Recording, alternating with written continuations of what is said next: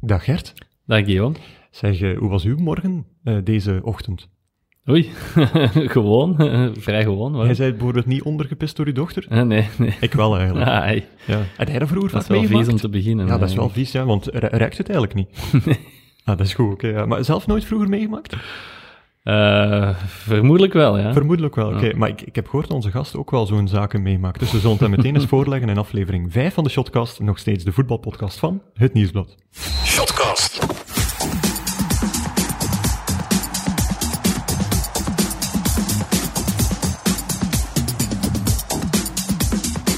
Dag Frederik Frans. Goedemorgen, mannen. Goedemorgen. Zeg, is het eigenlijk Frederik of Fred of Frey of, of Big F of... eh, Ehm, in België is het vooral Frey eigenlijk. Ah, in Eh, België. Frey of Fredje.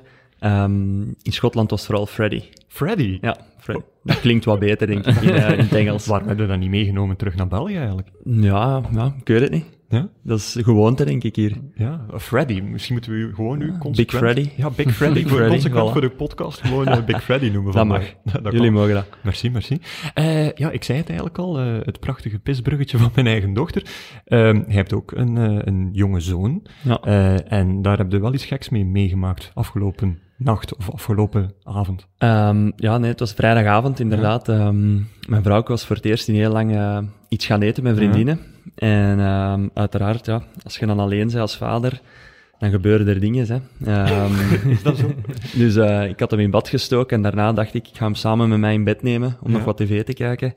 En op dat moment, ja, kotste me heel mijn bed onder. Met mij erbij, hemzelf. Ja, dan staat hij daar. Hè. Dus, eh, en, wat- en je staat daar, en- of je ligt daar, en wat doe je dan? bellen naar hun vrouw. Wat moet ik doen? Ehm, maar ja, na- natuurlijk, dat, mijn vrouw was, eh, Ja. ja. die kon niet naar huis komen, dus ik heb het zelf kunnen oplossen. Tot daar Ja. het eh, glamoureuze leven van een profvoetballer, hè.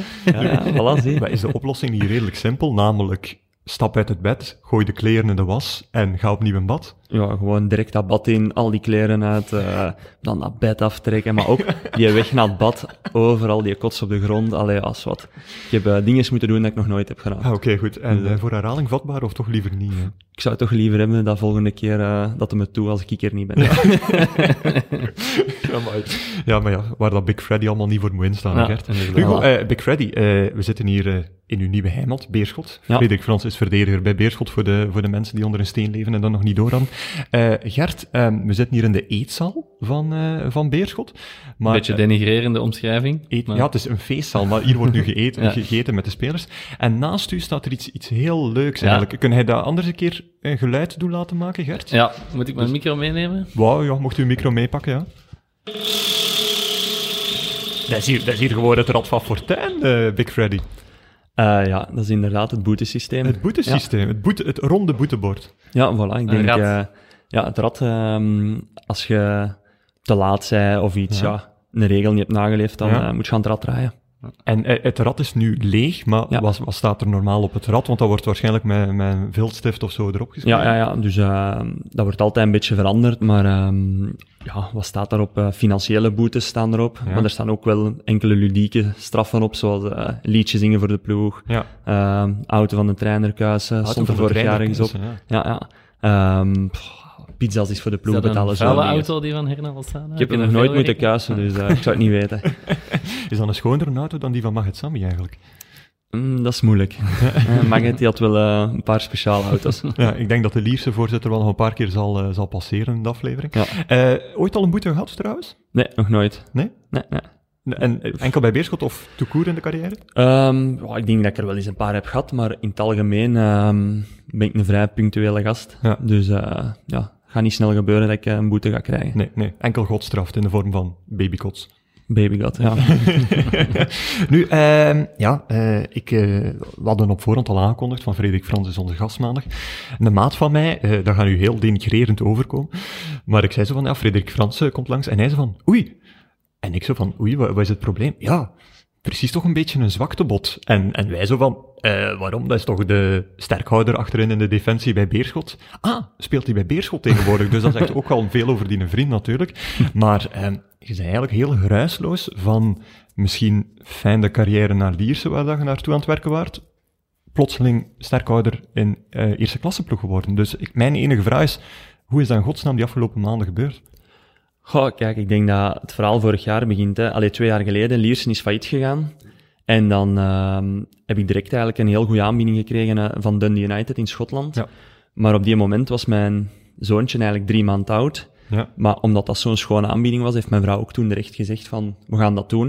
En dan zijn we eigenlijk vertrokken naar daar. Maar ja, je mocht dat niet onderschatten, zeker voor mijn vrouw ook. Hè. Drie maanden oud, we hebben daar twee maanden in een hotel gezeten met dat kindje. Ehm, en heb ik een heel tof jaar gehad in Dundee United. Maar dan op ja, de tweede seizoen Mhm. hadden we zoiets van, als er een kans is om naar België te gaan, zouden we toch graag gaan. En ehm, pas op het einde van de Mercato toen, hè, eind, allee, begin september, eind augustus, ehm, heeft Dundee United gezegd dat ik mocht vertrekken. En dan waren er al wel wat gesprekken met Beerschot, maar nog niet super concreet. En dan was eigenlijk, ja, Liers eh, ja, kwam daar dan aan met een vierjarig contract. Hè. Ik was ook ondertussen 30 jaar. Toen in eerste amateur. In eerste amateur. ehm ze hadden op zich het eerste seizoen van de doorstart hè, als Lierse Kempenzone, hadden ze eigenlijk een vrij degelijk seizoen gekend, hè, eh, die play-offs gehaald. Dus ja, je gelooft daar ook wel in van, ja, we gaan daar los kampioen worden Ja. in eerste amateur. Hè. Dat liet ze ook naar mij toe uitschijnen, dat ze een ploeg gingen bouwen daarvoor. Dus op dat gebied had ik niet het gevoel van fijne carrière. Ik Ja. had eer- ah, eerder het gevoel, ik ga terug naar Lierse. eh, Bij Lierse naar 1A misschien. ja, waarom niet? Hè? Eh, allee, ik bedoel, in Beerschot hebben ze het ook gedaan. Hm. Ehm, dus ik had eigenlijk zo'n beetje eerder dat gevoel van... Ja. ehm, maar oké, dat is helemaal anders uitgedraaid. En ehm, ik heb dan heel veel geluk gehad dat Beerschot ja, mij is blijven volgen. En dan toch in januari terug is gekomen. En Ja. ja de rest eh, Is geschiedenis. Is Of is toekomst eigenlijk. Ja. is toekomst. Ja, vooral toekomst. Ik denk, ja, ik heb net bijgetekend. Ja. Ik denk, ik had dan in januari voor twee jaar en een half getekend. Ehm, en ja, nu heb ik al terug een nieuw contract gekregen. eh, Ja. Dus eh, ja, ik denk dat dat wel schitterend is van Beerschot uit, van, eh, qua vertrouwen. Ja, sowieso. Gert, Big Freddy, die heeft heel zijn leven eigenlijk bijna voor. Of Big Freddy blijft geweldig. heeft bijna heel zijn leven voor Lierse gespeeld, in meerdere blokken. Hij heeft vaak Lierse gevolgd, geregeld. Is hij een beetje een onderschatte speler? Want ik denk van, meer onderschat dan Frederik Frans gaan ze bijna niet krijgen. eh. Ja, in, eh, in de tijd bij Lierse, in eerste klasse, dat was gewoon een, een, een baken van, eh, van zeker. Allee, ja, nee, dat was allee, ook elke week als je je ploeg moest maken voor de krant, hè, zo de, de vermoedelijke elf. Ja, Frans, ja, die staat erin, hè, punt. Allee, en dat is, dat is eigenlijk nooit echt een twijfel. Allee, je hebt er nooit echt moeilijke periodes gehad, denk ik ook niet, hè, bij Lierse. Ehm Of door de laatste jaren redenen Nee, nee. eigenlijk nooit. Ah, wel, ja, eigenlijk de reden dat ik daar problemen heb gehad is door eh, extra sportieve redenen Ja. met Magget. eh, maar voor de rest heb ik daar altijd keis gewoon tijden gekend. Dus eh, ja. Altijd, allee, het was, ja, altijd een overlever, een jongen van, ja, heel populair ook bij de, bij de fans bij, bij Liers. Hier ook wel, denk ik. Allee, je bent wel type dat dat de fans Heb je graag eigenlijk al een fan gezien, eigenlijk, door de Ja. corona-maatregelen? Ja, vorig nu jaar? niet, maar ja, vorig jaar, ik denk, Ja, allee, ja, ja. die finale wedstrijd bijvoorbeeld, die thuismatch tegen Leuven, dat was, dat was zot, hè. Mhm. Eh, vol huis. Dus eh, ja, dat is hier wel een passionele fanbase. Ja, sowieso. Goed, ehm, een beetje fan van podcast eigenlijk, eh, Big Freddy? Of, Ja, ja, ja. ja? Ik, elke morgen bijna in een auto als ik eh, onderweg ben naar Beerschot. Ja, ja. ja. En wat zijn de voornaamste titels buiten Shotcast natuurlijk? Ehm, ik heb een paar keer naar die van ehm, de UEFA B van in Schotland, omdat ik die, die cursus volg. Die hebben dan Oké. hun eigen podcast, dus die heb ik een paar keer gevolgd. hè. Dus de UEFA B-trainersopleiding in ja, Schotland Allee, eigenlijk, ik eigen doe de podcast. UEFA B, maar het is eigenlijk van de trainersschool in... eh, Dat is eigenlijk, dus jij volgt trainerschool aan dezelfde trainerschool als Vincent Company eh lesgevolgd ik weet heeft, niet of hij... eh. Was dat in Schotland? Ja, of in Engeland misschien? Ah, het zal Engeland. Maar ik Ja, ik had dus- dus gerucht ja. gehoord dat het Schotland was bij hem. Dat zou goed kunnen, ja, die is heel bekend. Ik denk dat we misschien wel zou gezien hebben in de klas. Ja, maar ik ben niet in de klas geweest. Ah, al al de- hè? door corona. Normaal moest ik in mei tien dagen naar daar. Ja. Maar ja, dan door corona is dat niet gebeurd. En dan was alles via Zoom. Ja. Ehm, dus nu moet ik nog wel eens een keer als het toelaat een aantal dagen naar daar om het dan te doen. En kunt je niet verplaatsen naar de Belgische cursus? Of wilde dat niet? Ehm, ik ben nu aan die Schotse begonnen. De bedoeling is om dan de A, de volgende cursus, wel in België Ja, ja. verder te doen. Maar oké, ja, ik was ingeschreven al Ja. toen dat, dat ik nog bij Dundee United zat. En Ja. ja, ja dat is ook een een hoog aangeschreven cursus. internationaal, een internationaal diploma, dat staat natuurlijk wel een voilà. beetje beter Ja, ik denk. Mourinho, Villas Boas, al die mannen hebben dat daar gedaan. Ja. Dus, eh, En is dat wel Frederik hoog. Frans. Voilà. Hopelijk kunnen we hetzelfde parcours afleggen. Dat zal wel zijn. Eh, maar dus die podcast en nog andere titels? ja, ik heb eh, de High Performance podcast. Oké, maar het is echt Ja. wel, het is echt Ja. wel tactisch. Helemaal aan het eh, voorbereiden op een eh, carrière als trainer. Ja, ik vind dat wel, ik luister daar graag in. Ja. Ik vind dat zo'n momentje in een auto, ik rij tussen de 45 minuten en een uur. En ja, dat is toch een moment dat je Ja. kunt gebruiken om iets bij te leren, Ja. denk ik. Is dat dan ook eh, dat jij direct probeert al te stelen met je ogen van Losada? Want dat is ook een beetje een jonge trainer die, volgens mij, als die podcast in het Spaans of in het Nederlands zouden zijn, of in het Engels, zou hij ook met makkelijk en veel plezier luisteren.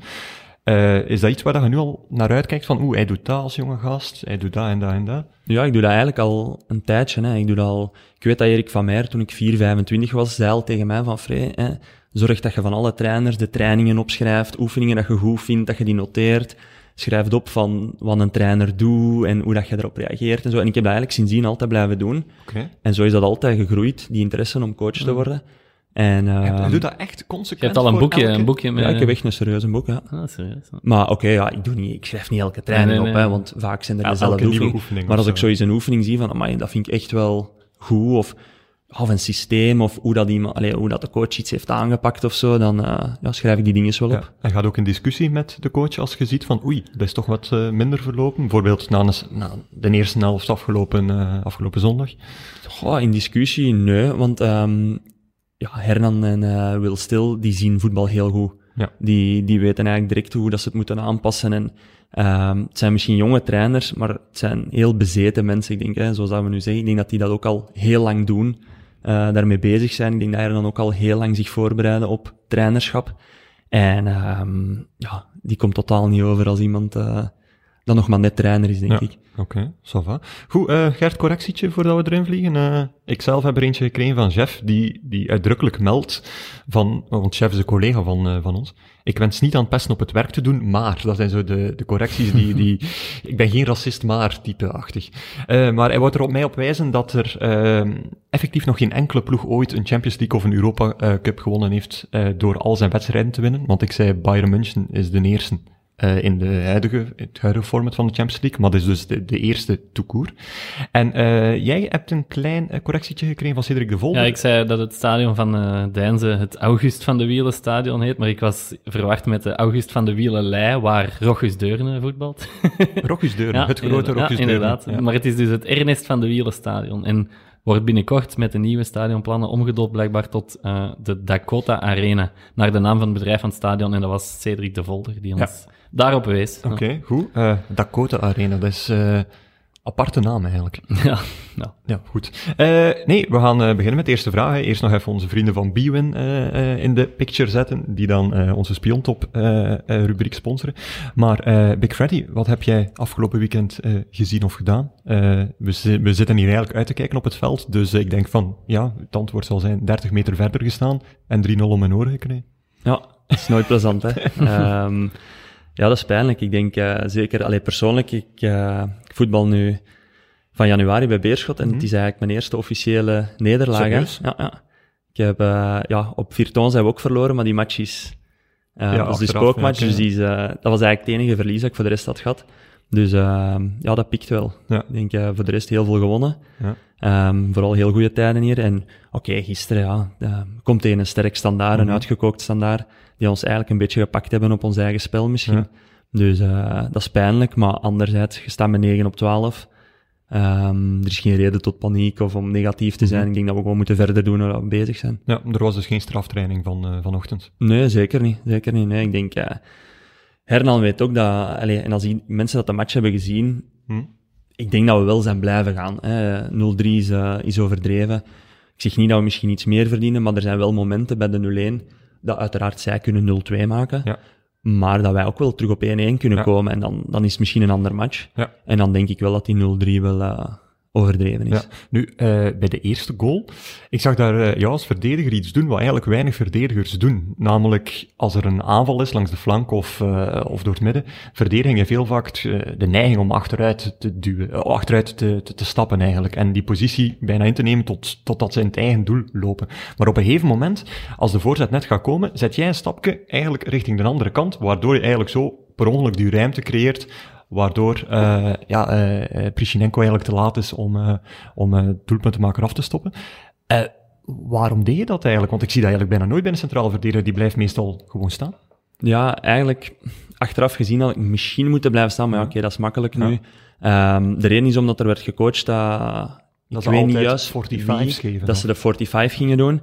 Ehm, en ik zag die jongen ook eigenlijk Ja. vrij, vrij staan voor die 45. Misschien doe ik het iets te snel, waardoor dat, ehm, ja, dat ze die 45 nu net niet doen. Ehm, maar ja, oké, ja, dat, is, dat is een keuze dat je moet maken op die moment. Ga snel, Ehm, blijf ik staan, geven ze die 45 misschien en legt hem hem daar binnen. Ehm, ja, dat, is, dat zijn keuzes op het moment. Ja, maar eigenlijk heb je dus gewoon geluisterd naar de coach en dus valt niets te verwijten om zo te zijn. Ja, niet de coach, maar een coaching van Ah, een coaching. Tijdens, de, tijdens de wedstrijd. Ik weet niet meer wie. Tijdens juist, de fase zelf, Ja, ja. tijdens de fase zelf. Toch proberen uitvogelen wie, want dan kunnen we eigenlijk alle schuld op hem schuiven. Nee, ik vind, allee, op zich was dat geen verkeerde coaching, denk ik. Ja. Ik denk, eh, misschien ja, zoals ik zeg, langer wachten eh, en toch altijd eerst in eerste hoek afdekken. Dat is Ja. misschien toch slimmer. Ja, oké. Gert, eh 9 op 12 eh, Beerschot. Eh, gisteren eh, een beetje een faux pas, maar eh, hebben ze u een beetje kunnen eh, bekoren eigenlijk? Ja, ik, ik heb het al eens gezegd. ik vind wel eh, straf wat ze doen eigenlijk. eh, met de ploeg uit 1B nog altijd, eh, nog altijd hetzelfde. En wat ik vooral, ja, de, de energie die ze, die ze in de wedstrijden leggen, dat is toch wel, eh, wel opvallend. Ze hebben er ook de spelers voor natuurlijk. Leuk systeem ook, hè, die Ja, 3-5-2. inderdaad. Ja, is- want dat is, is dat eigenlijk de eerste keer in je carrière dat je dat speelt? Ja, toch dat, dat, allee, dat, we dat, dat ik dat wekelijks speel. Ja. Ik heb wel zo coaches gehad dat zoiets niet ene keer overschakelen aan Dan, een dan loopt dat toch nooit goed af? Nee, want dat is eigenlijk een systeem dat, dat is top, maar dat moet je heel veel trainen. Ja, ja. Ja. Dat moet iedereen zijn dingen weten. ehm, en bij ons is dat nu perfect, denk ik. Ja. Ja. En eh je zit centrale pion daarin. Is Ja. dat makkelijker of net moeilijker voetbal? Want ik weet bij Club Brugge, toen Leco daar kwam, ze zetten daar Brendan Mechelen. En toen was het eigenlijk het concept, of, of eh, de reden daarvoor was van, ja, maar Brendan is onze eh, minst goede voetballer. Dus telkens als ik nu een driemansdefensie zie en ik zie die centrale pion, denk ik van, oh, sukkelaar toch. Bij de Duivels was het wel Vincent Company. Ja, wel, dus ik, ik weet niet hoe dat de tactiek hier is, want misschien geven ze net veel meer waarde hier aan u om... eh, Goh, kijk, ehm, ik denk dat de belangrijkste redenen waarom dat ik daar sta, is omdat, omdat ik een leider ben, omdat, omdat ik heel veel coach. En ehm, ik denk in die positie moet je echt wel iedereen op de juiste plaats zetten, constant bezig zijn. Dat is eigenlijk mijn grootste taak. Hè. Ja. Eh, En voetballend, ja, uiteindelijk als je kijkt soms naar de heatmaps na de wedstrijd, ik denk dat je eigenlijk niet vaak ziet dat we met drie van achter staan. Ik denk dat we een systeem hebben waar dat bijvoorbeeld Bourdin, de linkse, ja, zeker in 1B, ja. waren er momenten dat hij letterlijk als links voor stond. Dus eh, dat ik en Dennis eigenlijk gewoon met twee van achter stonden. Dus ehm, het is een heel flexibel systeem. Het is niet dat we vastgepind staan van... eh, ik denk dat ik ook altijd iets meer links sta dan echt Mhm. een centrale. Dus eh, ja, nee, het is plezant om te spelen. Ja, dat is eigenlijk eh, is ook zo'n beetje een hype, hè? want Clement heeft dat bij, bij Genk en, en zeker bij Club geïntroduceerd. Van Azenbroek eigenlijk al. maar ook zo die, die drie mans die dan zo'n hybride wordt, om het Ja. maar eens gewoon woord te zeggen. En, en nu speelt iedereen op een hybride manier. Maar wat, ja. Eh, wat ging ik nog zeggen? Ja, Standaard. Is Standaard dan eh, de moeilijkste ploeg van de vier die jullie gehad hebben, eh, waar dat je al tegen gespeeld hebt? Ehm, de moeilijkste... Ik Of de had niet dat, ja, misschien wel de vervelendste. Ik, eh, ik had daar niet echt het gevoel gisteren dat het echt de moeilijkste wedstrijd was. Maar het is wel duidelijk dat zij enorm veel kwaliteiten hebben om Ja. een wedstrijd dood te doen. Hè. Gisteren zag je wel op de juiste momenten dat ze wel prikken. En iemand als Lestien en zo, dat dat toch Ja. ehm, een klasse apart is. Raskin ook. Raskin heel sterk, ja. ja. Ehm, maar voor de rest, ja, ik vond bijvoorbeeld Oostende een heel moeilijke wedstrijd. Dus je hebt al gespeeld in Standaard, Club Brugge, Oagel denk ik de eerste? Nee, het is niet Ja, Oagel. Oagel was de finale. Dat was de finale. Ja, ja. Eh, de eerste speeldag was tegen Oostende? Oostende, dan ehm, thuis tegen Zulte hier. Zulte, ja. Ja, dus en dan vier Brugge. kies je eigenlijk Oostende als lastigste tegenstander. Ja, ik vond Oostende een heel moeilijke wedstrijd, omdat die jongens eh, zot veel energie hadden. Ja. Ehm, die hebben eigenlijk 90 minuten geprest. Ehm, heel veel jonge gasten ook. Dus ik denk wel, allee, als ik, ik heb eh, vorige week ook de, de match tegen Anderlecht gezien, die 2-2. Ehm, die jongens doen dat wel niet, Ja. niet slecht, denk ik. Eh, daar zit een duidelijk systeem in met heel veel energie en dat is wel moeilijk om tegen te spelen. Ja, en Oostende gaat dan niet zakken volgens jou. Want je zegt ja, heel moeilijk om tegen te spelen. Ze krijgen veel lof, maar op dit moment weinig punten. Want iedereen Ja, wil nee, natuurlijk als. Barcelona spelen, maar soms is dat niet de... Nee, dat is waar. Uiteindelijk, punten is het belangrijkste. Maar ik denk dat ze daar precies wel een coach hebben dat vasthoudt aan het systeem. En ik denk nu ook niet dat je, omdat je nu... eh, dat zou typisch voetbal zijn, omdat Ja. je niet veel punten haalt, dat je ineens gaat proberen helemaal anders te voetballen dan dat je eigenlijk voor hebt ingekocht. Of voor, eh, dus ik denk dat ze dat gewoon tijd moeten geven Ja. en dat dat dan wel goed komt. Volharden in de boosheid. Ik denk dat wel. Allee, je doet transfers, je, je pakt een trainer naar een systeem. Dus ja, dan vind ik niet dat je na, na vier speeldagen alles moet overboord smijten en dan, eh, ja, mag je van onder staan. Nee, sowieso niet, sowieso niet. Uh, heeft er iemand zaterdag om vier uur samen met mij voor zijn tv gezeten?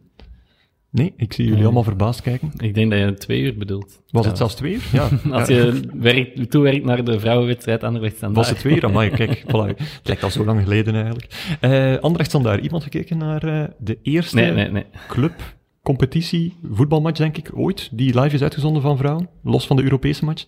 Uh, nee, en de bekerfinale was ooit ook al wel op tv. Ah ja, de bekerfinale zou ook al nog eens kunnen zijn. Nee, um, maar uh, ik weet niet of het eigenlijk een geslaagde start was, want ik, ik heb heel veel Red Flames gezien uh, vroeger.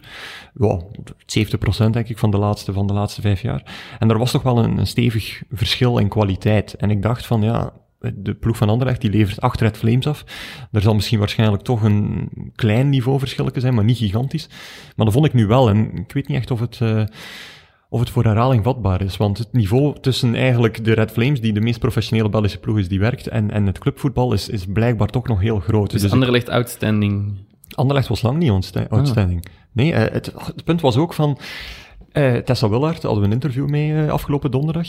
Um, die zegt eigenlijk van, ja, een goed uitvoetballende vrouwenploeg, waar heb je dat eigenlijk al eens gezien? En ik had geen antwoord op die vraag, want dat, dat gebeurt, ja, dat, zie je gewoon niet zo vaak. Maar toch is er geen één ploeg, en ook niet tijdens Anderlecht Standaard, die echt gewoon consequent 100% druk zet op die defensie. Dus dat deed mij enerzijds een beetje denken aan zo, als je jeugdvoetballer bent, dat je, ja, premium bent, en dat je zegt van, eerste bal is vrij, laat ze uitvoetballen en dan pas druk zetten, zodat je alle twee iets leert. Ik had zo dat gevoel eigenlijk bij, bij die wedstrijd. En dan gaf het mij zo niet meer die competitieve sfeer. En dat vond ik eigenlijk een beetje jammer, want er zitten wel heel veel goede aspecten in. Maar dus niemand anders even vrouwenvoetbal mee. Nee. Nee, En- het niet kunnen zien. Hoeveel was het? eh, heb je 2-0 dat? voor Anderlecht. Ah, oké. Dus, maar Anderlecht gaat wel los kampioen worden, daar niet Ja. van. Maar het moet allemaal nog een beetje groeien, Ja. denk ik. Nee. Gert, eh, wat heb je afgelopen weekend eh, gezien of gedaan? Ja, ik heb eh, dit weekend een heel weekend gewerkt voor de Tour eigenlijk, vooral daar veel energie in gestoken. Gewerkt zo waar. Dat is, Ja, ook, een, ja. dat is ook een first. Maar gisteravond wat mij wel opviel was ja, Gent, Gent KV Mechelen. eerste punten, puntenwinst van. Gent, hè, eerste keer gewonnen. Maar ja, Er was nog iets opvallender. ja, het interview na de match was nog opvallender van eh Jaremchuk. Die, die zei van wij spelen als een tweede klasser. En, Ah, maar kijk, eh, ik heb het toevallig mee op band. Ah. Moet ik het anders een keer afspelen? Ja. Dan, dan is iedereen mee, want eh, Fre- Big Freddy, heb jij het nog eh, gisteravond? Ik heb het gezien, ja. Ah, kijk, voilà, kijk. Everybody have bad feeling about our game. We are playing not like real Gent, not first number. It's uh, difficult for uh, our group because we must to play like one of the best team in Belgium. Now we play like a team from uh, second division. Het team from second division, dat is... eh Wauw, dat is wel heel pijnlijk Ja. voor een coach die nog maar twee eh, matchen aan het roer Ja, staat. en eh, allee, ik denk toch dat het er niet goed uitziet voor eh, Roman Jaremchuk, denk ik. Want ehm, ik herinner mij een, eh, eenzelfde soort interview van eh, Ja. in de eerste weken in eerste klasse met Antwerp, dat Beleunie trainer was, van Juri Dukkevie. Ja. En eh, een paar dagen later zat eh, onze vriend Juri, ja, Free, Free kent hem ook, Ja, zeker. van bij Lierse, zat hij in de beker. Ja. Dus nu, het was niet alleen die uitspraak bij Jury, het was ook een beetje zijn gedrag op training, eh, om niet te veel in details, op details in te gaan. Maar, ehm, Maar we, we houden niet zo van dit. ja, maar ik ben, er waren toen verhalen over Dukkeveen, ik heb die nooit bevestigd gekregen, Ah, dus kan die niet, allee, ik kan die niet delen. Eh, maar ehm, ja, allee, Beleunie reageerde ook van als hij niet content is, dat hij maar op een ander gaat shotten. Hè? Dus, eh, Het, toont eigenlijk aan wat dat er tot bij mij al doorgecijpeld was, namelijk van eh, al na een paar dagen bleek van ja, de spelersgroep, er is nogal een gedeelte dat een beetje lacht met Beleunie. En dan komen we eigenlijk al terug tot, eh, tot zijn, ja, misschien soms wel lakse houding naar, naar de sterren toe, dat die ja, toekomen wanneer dat, mogen toekomen wanneer dat ze willen en dat soort zaken. Ja, Beleunie is zelf ook niet de meest stipte. Hè. Hij is, Is ook, zelf vaak te laat ochtends. Dat was bij Antwerpen ook zo. Eh, ja, en bij Antwerpen tolereerde de vedette dat, omdat zij dan zelf Ja. ook wat meer mochten. En, en, en ja, dat was ook allemaal wat meer... We komen van nergens en we Ja. zijn aan het groeien mentaliteit. Tegenover Gent, die komen van de keurige Jestorp, waar eh, waarschijnlijk alles heel afgeleid zal geweest Ja, zijn. de, Dus, eh, de gentleman en vooral ook eh, op tijd komen. Maar anderzijds, bijvoorbeeld een berechte jager, die, die dan, eh, wiens vrouw een, een, een lastige bevalling had van haar eerste kindje, die mocht dan gerust twee weken vrij afnemen en daar volledig op focussen. Wat in de voetbalwereld ook bijna ongezien is. Maar dus, ehm het is nog geen match made in heaven, eh Agent en Beleuni. En dan ook met Sinan Bolat, ook niet echt een, eh, een crowd eh, pleaser transfer. Eh, ja, het- ze hebben drie punten, maar het is, het is eigenlijk een beetje erger geworden deze week, heb Ja. ik zo het gevoel. Ja. En, eh, zeker die uitspraken doen er ook eh, Ik weinig ben benieuwd hoe dit gaat aflopen. Ik eigenlijk ook, ja. Ik ben ook benieuwd of Big Freddy ooit eens een grote mond heeft opgezet tegen een trainer of eh, dat soort uitspraken heeft durven doen. Nee, ik ben een hele brave gast. Een hele Ja, brave echt. gast, ja. Ja, nee, ik vind... En zeker in de pers zou ik dat nooit doen. Als ik die mening heb, dan zal ik dat wel pod- zeggen. in een podcast zou je hem dat misschien wel durven doen. Of, eh, Rullen doe je dat allemaal. Ja, nee, nee, ik eh, krijg 30 seconden zet. eh. Nee, ik heb eh, niks slecht te zeggen over onze huidige coaches. Alleen Helemaal maar niet goed. slecht zijn. Oké. Helemaal Nee, over uw huidige coach eh, gesproken. ik heb vanmorgen aan een vorige gast bij ons gevraagd, eh, Mike van Amel, jullie Ja. doelman, van eh, ja, is er nog iets dat ik aan eh Freek kan vragen? En eh, hij zei, ja, ehm, vraag eens eh, hoe zijn eh, imitatie van Hernan Losada is. eh. Oei. Ehm, Maar we zitten hier trouwens aan zijn tafel. Hè? Het is de eettafel ja, ja, van de is coaches. van de het accent van Hernan, het schijnt dat, hij- dat hij het Hernan, Hernan Losada accent al goed onder de knie heeft. Wauw, dat is, dat is niet mooi van Mike. Eh, ik denk dat je dat eerder aan Pietermaat moet Ah, vragen. Die kan dat ongelooflijk, maar... eh, Ja, dat is de, de- ja, dat is de volgende Beerschotgast, denk ik, ja? ja, Tom Pieter. Ehm, de, ja, Hernan, uiteraard is dat... ehm, Het is een dankbaar accent om na te doen. Ja, want het is ook wel dus- fantastisch dat hij al Nederlands spreekt natuurlijk. Hey, ongelooflijk. Ik denk eh, Engels, Nederlands, Frans, Spaans. eh, je moet het maar doen, hè. Ja. Ehm, allee, tegen, de, tegen de Franse jongens ook alles in het Frans zeggen en zo. Oké. En uiteraard zit er daar soms is een accent tussen, maar ja, dat is normaal, hè. Ja. En eh ga je nu echt geen poging ondernemen om... eh, Nee, waar, eh, wat je vaak hoort is bijvoorbeeld de V hè, in de B Ja. dan, hè. ja. Ja. Hè, Birton in plaats van Virton. Ah, ja. Zo, maar dus zo is het in het Spaans ook, inderdaad. voilà. Dus, eh Beerschot Bierton. Voilà, Beerschot Birton. Ja. Ja, ja, dus Mike heeft een beetje zijn wensen voor waarheid aangenomen. Ja, precies. Ja, Mike, Mike, is een schone, hè, want eh, dat is de eerste dat dat allemaal zegt. hij zei ook eh, dat je een goed adresje wist om truitjes in te kaderen. Eh, zit daar een verhaal achter? Ehm, ja, nee, dus ik had het kampioenentruitje hè, van de finale match, had ik laten inkaderen. En, eh, Allemaal ondergekotst door uw zoon. Nee, nee, gelukkig. En eh, ja, de mannen vroegen wat kosten en eh, ik zei dat dan en ze vonden dat precies enorm veel. Wat, was het Eh. meer dan het truitje zelf? Ja, dat wel. Oké. Dat truitje was gratis, dus. Ja, oké, maar ja, het truitje Nee, nee, het was-. Ehm, maar ja, ik had dat dan gekregen van die mensen eh, in ruil voor reclame en zo. Ehm, dus ze hadden aan mij gevraagd of eh, voor hun zelf en ze vonden het een beetje duur. Ah, oké. Ja, oké. en wat is een beetje duur? Ehm, afhankelijk van wat dat gepakt en zo, denk ik dat ja, een 300 euro was. Oeh. Ja. Voor een inkader vind ik dat toch wel stevig. Maar het is echt wel schitterend gedaan. ja, het is, en v- vernist nog, ook nog een keer of zo? Of eerst gestreken en dan... eh, en dan ja, het is, het is echt heel goed gedaan. Het is, eh, dus moet ik nu wat reclame maken voor die mensen. Nee, maar ehm oké, ja, je kunt ook in een IKEA een kader gaan halen en, en het zelf omhoog hangen. Maar dat, zal niet. Mike gedaan hebben dan. Ik denk het, maar Mike is niet gierig. hè. Dus, Dat is eh, letterlijk wat ik dit weekend gedaan heb voor een, een poster op, eh, op biljartkamer eigenlijk. Nee, is wat. Eh, nog iets speciaals gezien of eh, kunnen we over naar het volgende rubriekje? Over naar het volgende. Over naar het volgende rubriekje. Shotcast. De MV van de week, of van het weekend. Eh, de rubriek waar we wekelijks iemand in de bloemetjes willen zetten, of net dat ei- kleine extra duwtje willen geven, waardoor hij of zij helemaal van de trap valt. Gert Gijssen, wie pak jij? Ja, ik eh, neem Hans van Aken. Hans van Aken. Ja, na vorige was week. een klein beetje Limburgs, zou je zeggen. Ja, inderdaad. Ehm, ja, om, om toch, ja, hij heeft nu gescoord. eh Club Brugge heeft gewonnen. Ik zeg niet dat dat maakt het, alles goed of zo. eh, Ik, zeg, ik wilde er net beginnen zeggen van, ik zeg niet dat het eh, diepje helemaal eh, voorbij is, maar ehm, Scorebordjournalistiek doen we niet aan mee hier, hè? hij, nee, hij heeft, eh, allee, hij heeft een moeilijke periode, of, of zit in een moeilijke periode, zat in een moeilijke periode. Dat zal de, de volgende, ah, de toekomst een beetje uitwijzen. Maar ehm, het is toch opvallend, want sinds hij bij Brugge is, toch eigenlijk allee, alleen maar po- allee, positieve kritiek gekregen. En nu was het zo de Wow. eerste... Ik weet nog de beginperiode van Van Aken bij Club Brugge. Ja, samen met Victor Ja. Vasquez. Ja. Eh, een van de twee, alle twee samen spelen. Zo de klassieke discussie. Hans van Aken, de valse tragen. Blijkt Ja. dat hij dan de top drie topsnelheden eh, liet, ja. liet maar ja, nu twee keer gaan we schoen, profvoetballer van het jaar en allemaal op anderhalf jaar tijd. En dan nu, ja, ineens is hij zo het middelpunt van de, van de kritiek eh, bij Club Brugge. Ik denk toch dat dat moeilijk om dragen is dan op dat moment. En dat, dat dat er ook niet goed aan doet aan... allee. Dus iedereen zegt altijd wel van ik trek het me niet aan, maar ik denk toch dat je er een beetje be- mee bezig bent. Ja, dat denk ik nu eigenlijk ook wel. Fred, Fred zei ik nu, Freddy. Big Freddy moet ik Big eigenlijk- Ja, Big Freddy als het moet. Eh, jullie zijn daar gaan binnen, eh, Ja. eh, twee weken geleden ondertussen. Wat was jullie geheime wapen? En zeg nu niet Rafael Holzhauser, want dat hebben we vorige week al allemaal besproken. Ja, nee, daar is al veel over gesproken, over Ja. Rafa, denk ik. Hè. Maar ehm, ons geheim wapen is eigenlijk simpel. Ik denk dat wij daar op momenten durven hebben hoog druk te zetten. Ja. Ehm, en dat ze daar heel moeilijk mee hadden, maar dat we ook in een heel goed blok stonden voor de rest. En Mhm. dat iedereen gewoon zijn taak heeft gedaan. En dat klinkt cliché, maar ja, ik heb... eh, Dat klinkt heel cliché inderdaad. Zoals hè. ja, een Nubisi, ik heb die eh, zien werken. eh, Ja. Ongelooflijk. Tissoudali, allee, iedereen heeft toen gewerkt. En Ja. ehm, natuurlijk, ja, Holshouser, Holshouser die, die goal is schitterend. Hè. Ja. Maar voor de rest, ja, nee, we hebben allemaal voor elkaar geknokt. We, we stonden goed.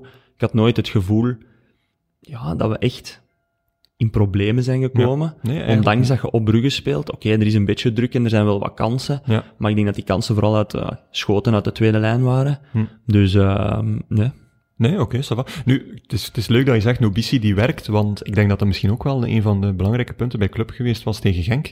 Ehm, de positie van Okereke in verdediging, eh, die moest helemaal naar de linkerflank uit, eh, uitwijken. Daardoor, als er geswitcht kon worden, was er ook een overtal op de flanken eh, als, als club in aanval was. Matta en Sobol, die gigantisch aan het doordekken waren. Eh, Genk had, ja, Bongonda en, eh, en Ito, die, die kwamen altijd naar binnen eh, bij de Brugse opbouw. In de tweede helft bleven ze dan eigenlijk op die flanken, waardoor dat probleem was, was, opgehol, eh, was verholpen. Maar ik vond het echt wel, op basis van dat eerste half uur, echt, echt een tactische overwinning van club. En daardoor zijn ze, zijn ze zo sterk geworden. Of, En jij denkt dat dat het, de ommekeer is dan nu ook? ja, eh? het was nu duidelijk nog eens een tactische overwinning. En, dat, en dat is wel al even geleden. En ik zeg niet, tactiek bepaalt alles, helemaal niet. En de eh, trainer in de toekomst die zal dat ook kunnen zeggen, want het is eigenlijk maar een, maar een klein deeltje. Maar het heeft er wel voor gezorgd dat Club Brugge effectief een goal heeft kunnen maken. En zo de, de, de weg naar de overwinning heeft kunnen, eh, kunnen inzetten. Of zijn er andere meningen over die match? Nee, nee, nee. Maar vraag mij af of Big Freddy hem gezien heeft, want waarschijnlijk niet. eh. Nee, nee. Nee. Ik heb een heel klein stukje voor de match gezien, maar niet genoeg Ja. om eh, een mening erover te kunnen vormen. Maar ik vraag me af, zo die, de, de ommekeer, hoe, allee, nu je, je zegt van ja, het is tactisch, tactische, tactische overwinning, kan dat nu de trigger zijn dat de spelers terug wat meer vertrouwen krijgen? Hè? Want het is, het is een samenloop van omstandigheden waardoor het wat minder ging. Hè? Het is Ja. wat lakser omdat er geen publiek is, denk ik. Eh, ja, het begint slecht met een verloren bekerfinale, waardoor je, er, er komt van alles bij. En is dat dan door nu de, een ingreep van de, de coach dat het nu kan keren? Dat, dat wil ik wel eens zien. Dat is, Het, het heeft er wel, Wel mee te maken. Het, het plan is goed. Moest het plan niet goed geweest zijn, was de er nooit gekomen. Ja. Denk ik. Ja. Want ik vind, ook Rekke heeft zijn... En niemand zal er weer naar kraaien omdat hij niet scoort, maar ik vind dat hij misschien zijn beste match ooit gespeeld heeft voor Club Brugge. oh, dat is een eh, straffe uitspraak. Ja. Ja. Eh, z- Zeg gerust een betere match. Ja, nee, ik kan ze niet, mij, mij niet voor de denk geest dat hij halen ooit een keer een heeft gemaakt, Ja, wel. in het begin heeft hij wel. Ja, ik, ik denk dat dat echt een van zijn beste matchen was Ah, voor Club Brugge ooit. Nee? Ja, het zal wel. ja. Ja, ik denk wel dat tactiek wel ergens belangrijk is, omdat je merkt, zoals bijvoorbeeld de eerste wedstrijd dat wij in Oostende spelen, waren we niet zo heel goed eigenlijk. Maar we hebben wel altijd een tactiek waar we, alleen basisprincipes waar we op kunnen terugvallen. Ja. En als je dat hebt, ondanks dat je een mindere wedstrijd hebt, en je kunt op die dingen terugvallen, Ja. dan blijft je in die wedstrijd en is er altijd een kans om, eh, om ze te winnen. Dus op dat gebied vind ik dat toch wel belangrijk. Ja. Ben je ook in je opleiding van, van eh, datagebruik, statistieken? Ehm, ja, ik denk dat je moet tegenwoordig, Mhm. maar eh, ja, je kunt statistieken.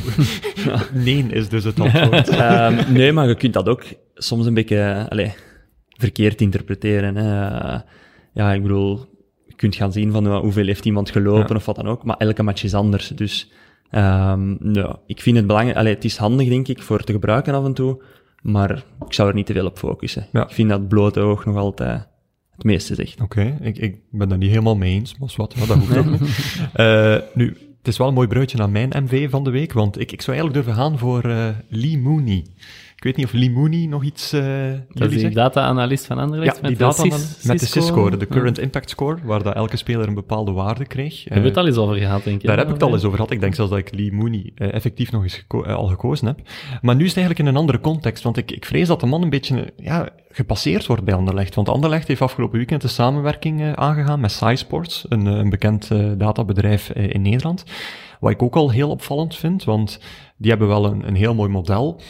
Maar die hebben ondertussen zoveel klanten dat de verscheidenheid ja, moeilijk is. Wat Moeilijk is ligt. model? eh, Een model is ook dat ze een, eh, een, een waarde geven aan eh, spelers, maar ook een potential ability, zodat je ook nieuwe talenten die maximaal tot Hm. Dat is een een bepaalde waarde kunnen gaan. scoutingsdatabank systeem. Ja, en ook, en ook een soort, ja, Ja. Een, een soort, een soort voorspellende factor zit Ja. daar ook in. Nu, Agent en, en Westerlo zelfs, die eigenlijk heel sterk bezig zijn met data tussen haakjes, die zijn er al wat aan het afstappen om, ja, is, is dat nog een unieke manier? Anderlecht haalt dat nu binnen, ik vind dat een beetje opvallend. Maar het zegt vooral veel, denk ik, over het model van Lee Mooney, want ja, je kunt wel honderden modellen erbij halen en altijd vergelijken. Ja, op een gegeven moment stopt dat. Op een gegeven moment zal dat, zal dat elkaar gewoon ja, ehm, ja, uitvlakken. En dan, dan, dan weet je eigenlijk niets meer.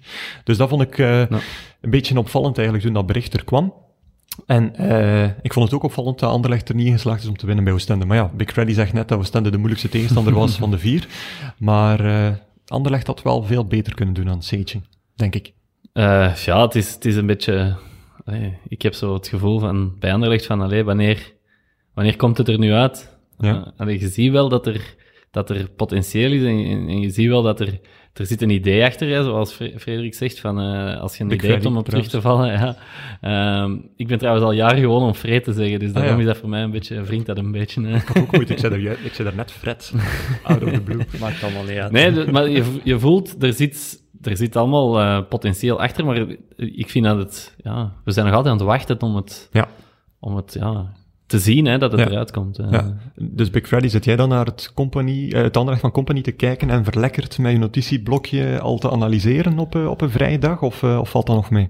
Ehm, ja, nee, ik kijk wel naar heel veel voetbal. Eh, maar nu, allee, ik zit daar niet met een boekje bij of zo. Ik kijk gewoon eh, om, ook een beetje om te genieten en om Ja. inderdaad nieuwe dingen te zien en zo. Het is niet zo dat je direct die looplijnen ziet of zo. Het, is echt dat je nog effectief Je ziet wel dingen terugkomen, maar... Maar je kunt er echt eh, nog van genieten. Ja, je kunt er echt van genieten, ja, ja. Maar ja, ik vind wel, wat ik wel zie in het hedendaags voetbal, iedereen wil zo'n beetje als Barcelona voetballen. Ja. En oké, dat is goed, maar ja, uiteindelijk tellen resultaten. En ehm, ik vind dat dat mensen een beetje verliezen. Ook zoals over verdedigers en zo wordt er vaak gezegd. Ja. Tegenwoordig wordt er eerst gekeken naar hoe, hoe, hoe kunnen ze voetballen Ja. en niet hoe kunnen ze verdedigen. Ja. En ik vind nog altijd een verdediger moet eerst kunnen verdedigen. Oké. Dus, eh, maar dat is mijn mening. Ja, nee, maar dat is logisch, want het doet me denken aan eh, een, een portret van Lozada, dat denk ik afgelopen weekend bij ons in het nieuwsblad stond, ehm, waarin hij zijn, zijn eindwerk moest voorstellen aan Chris van Dragen, dus de, Ah. de, de Belgische tegenpool van, van de Schotse trainersopleiding. Ehm, en die was heel verbaasd over dat eindwerk, omdat hij dacht van, ja, dit is geschreven door een verdediger, want normaal ex-aanvallers of ex- ex-creatieve aanvallende spelers, die gaan voor een Barcelona-stijl, maar hij had echt ja, een blok neergezet, een, een heel sterke defensie en van daaruit, eh, eh, van daaruit gestart. Dus eh, het is niet dat jij dan het omgekeerde doet en voor een heel aanvallende opstelling zou gaan. Nee, je zegt gewoon van, ik zou ook mijn ideaal... maar je ziet dat wel veel, hè, dat het omgekeerd is van wat ze in hun carrière hebben gedaan. Dat zie je compenseren soms zo. wel. Ja, ik denk het. Maar nee, ik denk... eh, Wat was uw droomopstelling dan, als je denkt van, ik mocht uit alles kiezen? opstelling, ehm je bedoelt 4-3-3 of wat dan Ja, Nee. of, of formatie, of, of manier van Formatie, spelen. dat maakt eigenlijk niet zo uit, maar van manier van spelen vind ik, wat we nu doen met Beerschot, vind ik eh, ja, top. Ja. Dus Eerst een goede organisatie en van daaruit... ehm maar ik vind deze wel echt top. Ja, dus als eh, Gert later de vermoedelijke elf moet maken van uw eerste match als coach, sowieso standaard 3-5-2 opschrijven. Nee, want je kunt misschien totaal ander spelers hebben. Hè. Eh, Dat, allee, je moet je ook wel aanpassen aan je spelerspotentieel. Maar allee, zoals ik zeg, ik heb ook al... Allee, Guardiola is toch zo de man dat wordt gezien Ja. als het, eh, het Barça-voetbal en al die dingen. Maar ik heb daar eens een interview mee gelezen en ehm, het eerste wat hij zorgt, is dat zijn ploeg verdedigend in orde Ja. is. Hè, ehm, ik denk bij Barcelona toen, bij Bayern München, hebben die altijd de beste verdediging gehad. Het jaar dat City Ja. kampioen is geworden, waren ze de beste verdediging. De jaren dat het moeilijker was, was als de verdediging minder was. Ja. Dus ehm, je hebt dat beeld van die tiki-taka, maar ja, als je constant goals pakt, dan gaat het niet lukken. Ja. Dus, eh, en dat vond ik wel frappant dat die dat zei van... Eerst, alleen mensen denken, ik ben alleen tiki-taka, ik denk alleen aan voetballen, maar dat is totaal niet waar. Nee, doet mij denken aan eh, een legendarische tactische analyse van Thierry Henry, ooit op Sky Sports. Dan had ze zo'n leuk interactief bord. Tegenstelling tot Frank Raas kon hij er wel mee werken. En daarin werd eigenlijk gezegd van, toen ik bij Barcelona speelde, Thierry Henry, de eerste twee derden van het veld hadden wij gigantisch veel taken en het laatste derde waren we eigenlijk vrij aan te doen wat we willen. En dat ligt eigenlijk perfect in de lijn daarmee. Ja, ja. En wat ook perfect daarmee in de lijn ligt, is de MV van de week van, eh, van. Big Freddy zelf. Ja. Badaboom. Ik heb gekozen voor eh, Messi. Dat lijkt al zo lang geleden eigenlijk, maar dat was gewoon de dinsdag. Hè? Ja, zot hè. Ik denk, eh, ja, dat is toch zot hè. Als je, allee, je kunt weinig spelers zo aan een club linken dan eh, Messi en Barcelona. Hè. Ja. Allee, Messi is Barcelona en Barcelona is eigenlijk voor een groot deel Messi ook. Ja. Dus eh, dat die weg wilt is toch, ja, is toch wel een schok in de voetbalwereld, denk ik. Nou, absoluut. Ja. En eh, vooral ehm, de manier waarop. Allee, het is niet, hij gaat niet, geen mooi adieu krijgen zelfs. Hè. Nee, nee, Dus- ik denk het ook niet. Allee, het is, het is Weinig een vechtscheiding. Ja, maar het is. Xavi wel, maar al de rest is Maar zo... zo'n zo'n icoon die dan met een vechtscheiding moet vertrekken, dat is nee, toch nog een ander. is jammer. Ja, Ja. ja. Ja, allee, het is nu afwachten of hem daadwerkelijk gaat vertrekken, maar ik vermoed wel. Het is, het is moeilijk te zeggen. Hè. La Liga heeft afgelopen Ja. weekend de clausule van 700 miljoen euro bevestigd. Ja. Dus die is effectief eh, aanwezig. Maar hij is wel niet komen opdagen. Nee, de zoiets bij de coronatest. coronatest. ja, dat neemt, dat neemt nu wel die clausule natuurlijk niet weg. Ehm, dus eh, of hij nu vertrekt, dan maakt het wel heel erg moeilijk. Want Lionel Messi is onbetaalbaar, maar of hij 700 miljoen euro onbetaalbaar is, ja, maar dat- Barcelona gaat hem ook niet een jaar tegen zijn goesting laten houden. Betalen is, niet- om is in de beker in te steken. Hè. Als Barcelona toestemt met een transfer van 150 miljoen euro, kan het ook. Hè? Ja, die dat denk 700 ik. miljoen Ik euro is om dat zich het, vrij het, te het, kopen. het, Dan kunnen ze waar ze naartoe nu werken. pakken Ja, en een nieuwe ploeg bouwen, wat toch sowieso moet gebeuren Ja, daar, denk ik. inderdaad. Ja. Ehm, Want anders dan vertrekt hij Ja, dan is hij volgend jaar weg en dan heb je hem ook niet meer. Dus Ja. ja, het is een moeilijke. Nu, ehm, Gert Gijssen die, die moet soms eens met de voeten op de grond eh, gebracht worden, want ehm, ik zie hier in het draaiboek een waanzinnige parallel tussen namelijk Big Freddy en Messi. ja, mannen. Voetballend dan toch? Absoluut. Nee, maar ja... Dribbel- dribbel skills. eh, Verklaar je nader ja, is toch ook eigenlijk tot eh, een paar jaar geleden eh, heeft één club gekend. Ja, ja toch, hè? Eén club Ja, gekend, oké, op die manier, ja. En eh, toch ook een, een, ja, op een ander niveau dan Lionel Messi natuurlijk, maar toch een, een icoon van de club. Ja. Ehm, ja, hoe is dat bij u? Heb jij zo dan... Was dat moeilijker om te vertrekken dan bij, bij, dan bij Dundee te vertrekken, bijvoorbeeld? Of bij Eh, Partick Tissel, ja. wat ook een club is. Ja, ja, inderdaad. Dus, allee, het is eigenlijk begonnen bij Liersen op mijn vijf jaar. En dan heb ik daar gespeeld tot 25. Ja. En eigenlijk was het nooit de bedoeling om daar te vertrekken, maar dan ehm, ja, had ik die problemen met, met Maget Sami. Ja. Ehm, en dan ja, moest ik de keuze wel maken om te vertrekken. En dan ben ik inderdaad naar Schotland vertrokken voor twee jaar. Eh, maar dan kwam Lierse terug, hè, het jaar met Erik van Meijer. En dan was ook weer een no-brainer om terug te komen. Ja. En eh, weer met gedacht van, ik ga hier blijven voor... Ja, ik denk dat we een schitterend seizoen toen hebben gehad met Erik. Hè, spijtig genoeg niet opgegaan. Eerste in Ja, ja. 1B, maar, Maar geen periodetitel Geen periodetitel, dus is Ehm, maar alles was toen terug, ja, zoals het oude Liersen en zo. En ehm, ook weer met gedacht van, oké, ik ga hier voor altijd blijven. Ja, en het jaar daarna is Lierse failliet. Ja. Dus dan ben je weer gedwongen eigenlijk om, Ja. ja. om Lierse te verlaten. Dus op dat gebied, dat is niet plezant. Alleen, eh, ik had eigenlijk altijd gedacht van, ja, ik ga daar altijd blijven. Maar oké. ehm, Neemt je die- Maget Sami het persoonlijk kwalijk dat de club failliet is gegaan? Goh, persoonlijk, weet je, ehm, die mens heeft veel domme dingen gedaan, maar is ook omringd geweest door, eh, door mensen met slechte bedoelingen, denk ik. En daar is hij een beetje naïef geweest. Nu op het einde, ik ken de perfecte verhalen niet, maar ja, ik denk toch, eh, als je hoort dat bijvoorbeeld een King Power van Leuven en zo, ook Lierse wou eerst kopen, Oké. Dan denk je toch van, ah, kom aan man, Ja. je had daar echt iets, allee, had dat overgelaten aan die mensen. Maar oké, ja, ik denk dat hij misschien veel wou recupereren van wat er hem er heeft ingestoken. Maar ja, dat was onmogelijk, denk ik. Omdat, Dat is ook wel apart eigenlijk, hè? want we waren daar net al even voor de uitzending bezig. Hij wou er zoveel mogelijk uithalen op het einde, maar in het begin stak het hem niet echt op een frank, hè? om het zo te zeggen. Nee, want, nee, ik denk dat vertel dat- eens dat verhaal ah, van die premies op een gegeven moment. Ja, ik denk, ehm, hij is gekomen in januari toen we in tweede klasse zaten. En ehm, ik denk dat wij toen, dat was een, van 18 ploegen, vij- 14 of 15 stonden. En eh, hij kwam toen binnen en hij zei van, ja kijk, tegen alle ploegen boven jullie drie dubbele premie en onder jullie dubbele. maar ja, als je op die moment, ja, 14 of zo staat, dan... En hij had een hele hoop transfers gedaan. Ja, en we hadden dan Radzinski erbij gekregen, Ja. Wahed, ehm Cavens. Cavens. Dat was een heel nieuwe ploeg. Dat was eigenlijk bijna een eerste klasse ploeg. Ja, en dan, kwam... op basis van die maand eigenlijk je huis kunnen zetten. Ja, voilà, voilà. Nee, dat was wel... Dat was Of echt drie zot. van die kaders kunnen kopen. Zo. Meer dan drie. Nee, dat, dat was eigenlijk echt zot. eh. Maar zo was hem ook. Dat was eigenlijk echt geen verkeerde mens. Eh, met heel veel goede bedoelingen.